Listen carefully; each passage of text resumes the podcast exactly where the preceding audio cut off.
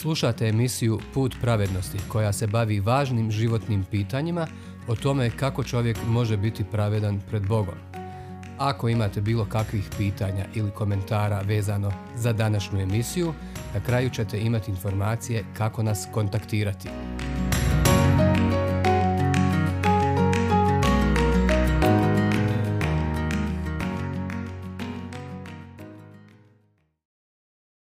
Veliki učitelj Matejevo evanđelje od petog do sedmog poglavlja. U prošloj emisiji smo vidjeli kako je Isus putovao tadašnjim Izraelom. Poučavao mnoštvo, liječio bolesne i oslobađao potlačene zlim duhovima. Ljudi su bili zadivljeni, govorili su Što li je ovo, nova li i snažna nauka, pa i samim nečistim dusima zapovijeda i pokoravaju mu se. Markovo evanđelje, prva glava, 27. stih. Danas idemo korak dalje u proučavanju Inđila. Čućemo divna učenja koja su došla iz usta gospodnjih, posebno onu poruku koju zovemo Propovjed na gori, koju je pred velikim mnoštvom prenio svojim učenicima. Ne možemo govoriti baš o svemu, ali kogod želi baš to, da vidi čitavu njegovu propovijed, neka čita evanđelje po Mateju, od petog do sedmog poglavlja. A mi ćemo ovdje, dragi prijatelji, čuti nešto od nje, evo tog blaženog učenja. Ugledavši mnoštvo, uziđe na goru i kad sjede, pristupe mu učenici. On progovori i stane ih naučavati. Blago siromasima duhom, njihovo je kraljevstvo nebesko. Blago žalošćenima, oni će se utješiti. Blago krotkima, oni će baštiniti zemlju. Blago gladnima i žednima pravednosti, oni će se nasititi. Blago milosrdnima, oni će zadobiti milosrđe. Blago čistima srcem, oni će Boga gledati. Blago mirotvorcima, oni će se sinovima Božijim zvati. Blago progonjenima zbog pravednosti, njihovo je kraljevstvo nebesko. Blago vama kad vas zbog mene pogrde i proganjaju i sve zlo slažu protiv vas. Radujte se i kličite, velika je plaća vaša na nebesima ta progonili su tako proroke prije vas. Ne mislite da sam došao ukinuti zakon ili proroke. Nisam došao ukinuti, nego ispuniti. Zaista kažem vam, dok ne prođe nebo i zemlja, ne, ni jedno slovce, ni jedan potezić iz zakona neće proći dok se sve ne zbude. Tko dakle ukine jednu od tih, pa i najmanjih zapovjedi i tako nauči ljude, najmanji će biti u kraljevstvu nebeskom a tko ih bude vršio i druge učio, taj će biti velik u kraljevstvu nebeskom. U istinu kažem vam, ne bude li pravednost vaša veća od pravednosti pismoznanaca i farizeja, ne, nećete ući u kraljevstvo nebesko. Čuli ste da je rečeno starima, ne ubiji. Tko ubije, bit će podvrgnut sudu, a ja vam kažem, svaki koji se srdi na brata svoga bit će podvrgnut sudu. A tko bratu rekne, glupane, bit će podvrgnut vijeću. A tko reče, luđače, bit će podvrgnut ognju paklenomu. Čuli ste da je rečeno, ne čini preljuba, a ja vam kažem, tko god s požudom pogleda ženu, već je s njome učinio preljubu srcu. Čuli ste još da je rečeno starima, ne zaklinji se krivo, nego izvrši gospodinu svoje zakletve. A ja vam kažem, ne kunite se nikako, ni nebom jer je prijestolje Božje, ni zemljom jer je podnožje njegovim nogama, ni Jeruzalemom jer grad je kralja velikoga. Vaša riječ neka bude da, da, ne, ne, što je više od toga, od zloga je. Čuli ste da je rečeno oko za oko, zub za zub, a ja vam kažem, ne opirite se zlomu. Naprotiv, Pljusne li te tko po desnom obrazu, okreni mu i drugi. Onomu tko bi se htio s tobom parničiti da bi se domogao tvoje donje haljine, prepusti i gornju. Ako te tko prisili jednu milju, pođi s njim dvije. Čuli ste da je rečeno, ljubi svoga bližnjega, a mrzi neprijatelja. A ja vam kažem, ljubite neprijatelje. Molite za one koji vas progone da budete sinovi svoga oca koji je na nebesima jer on daje da sunce njegovo izlazi nad zlima i dobrima i da kiša pada pravednicima i nepravednicima. Jer ako ljubite one koji vas ljube, kakva li vam je plaća? Zar to isto ne čine i carinici? Iako pozdravljate samo braću, što osobito činite? Zar to isto ne čine i pogani? Budite dakle savršeni kao što je savršen Otac vaš nebeski.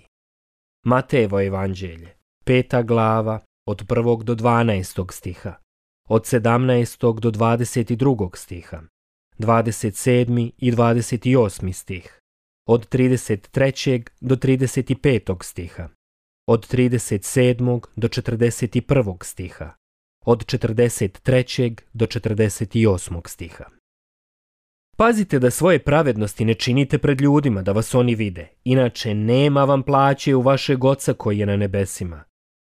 Kada dakle dijeliš milostinju, ne trubi pred sobom kako to u sinagogama i na ulicama čine licemjeri, da bi ih ljudi hvalili.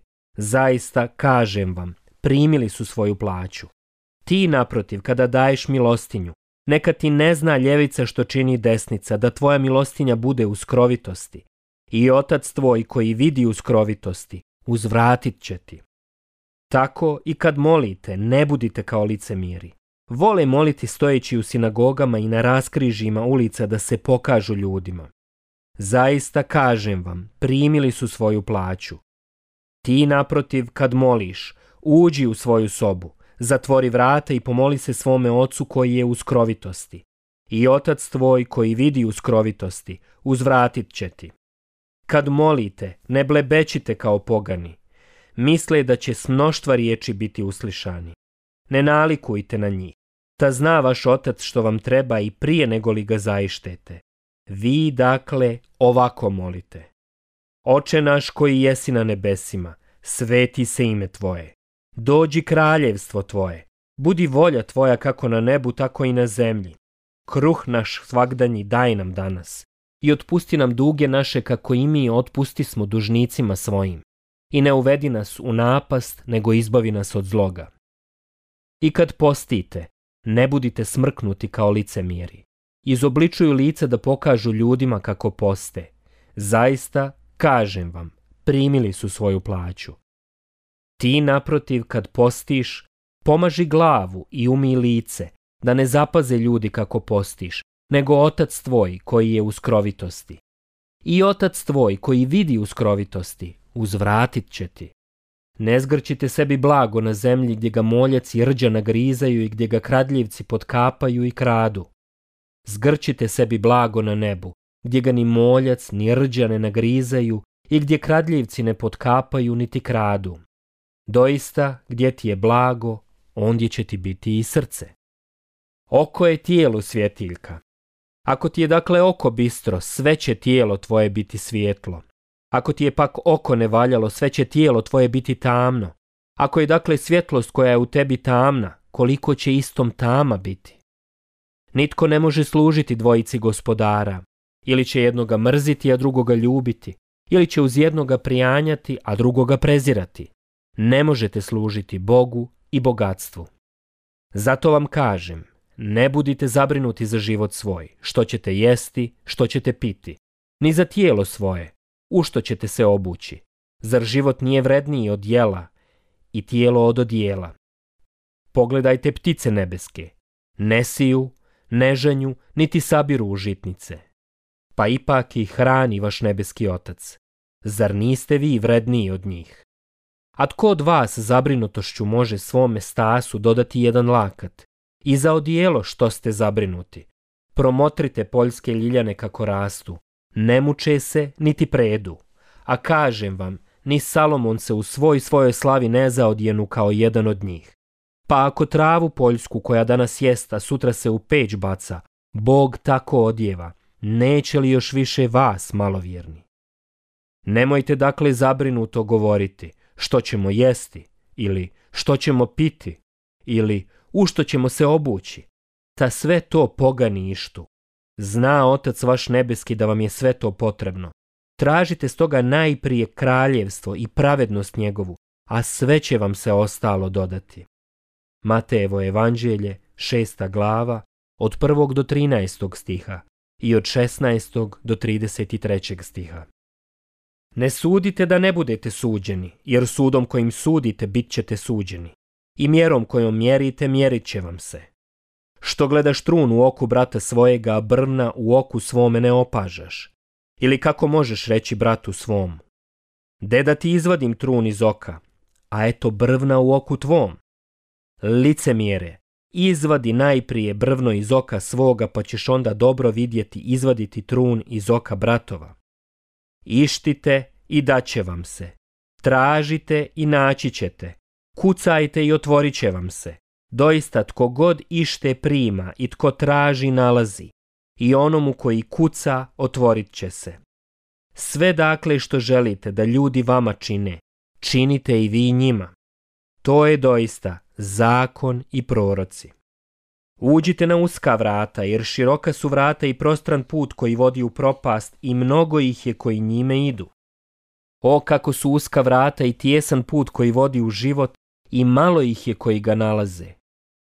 Čuvajte se lažnih proroka koji dolaze k vama u ovčijem odijelu, a iznutra su vuci grabežljivi. Po njihovim ćete ih plodovima prepoznati. Bere li se strnja grožđe ili zbodljike smokve? Tako svako dobro stablo rađa dobrim plodovima, a nevaljalo stablo rađa plodovima zlim. Ne može dobro stablo donijeti zlih plodova, niti je nevaljalo stablo dobrih plodova. Svako stablo koje ne rađa dobrim plodom, Sječe se i u oganj baca. Dakle, po plodovima ćete ih njihovim prepoznati. Neće u kraljevstvo nebesko ući svaki koji mi govori. Gospodine, gospodine, nego onaj koji vrši volju oca mojega, koji je na nebesima.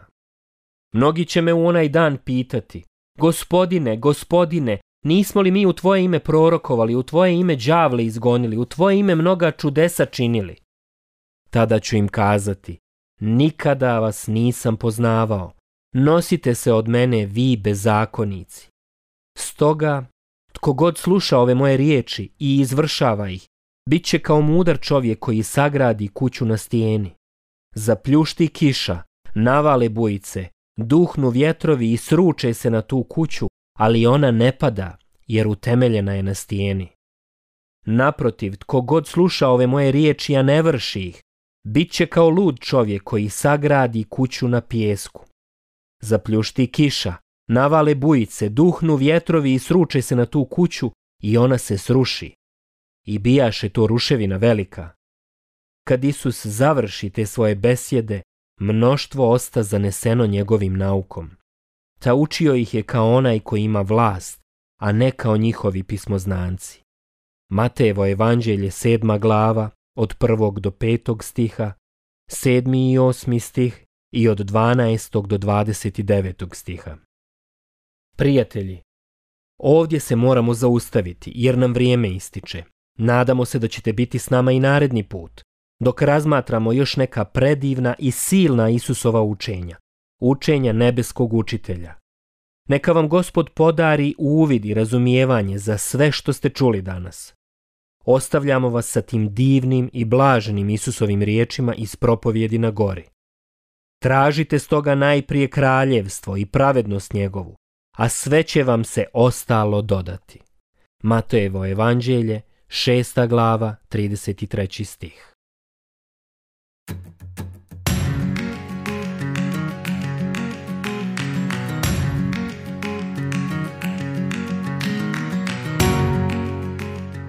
Hvala vam što ste slušali današnju emisiju.